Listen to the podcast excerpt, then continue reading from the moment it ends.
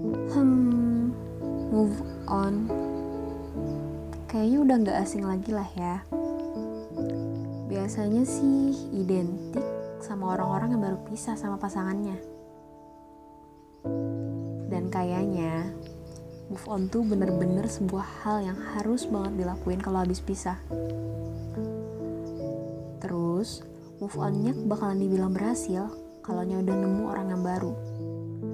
Kalau nggak ketemu orang baru, bakalan dicap gamon alias gagal move on.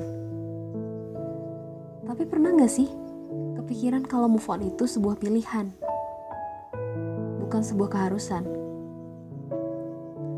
Pernah gak mikir kalau orang yang dicap gamon itu sebenarnya emang sengaja buat gak move on?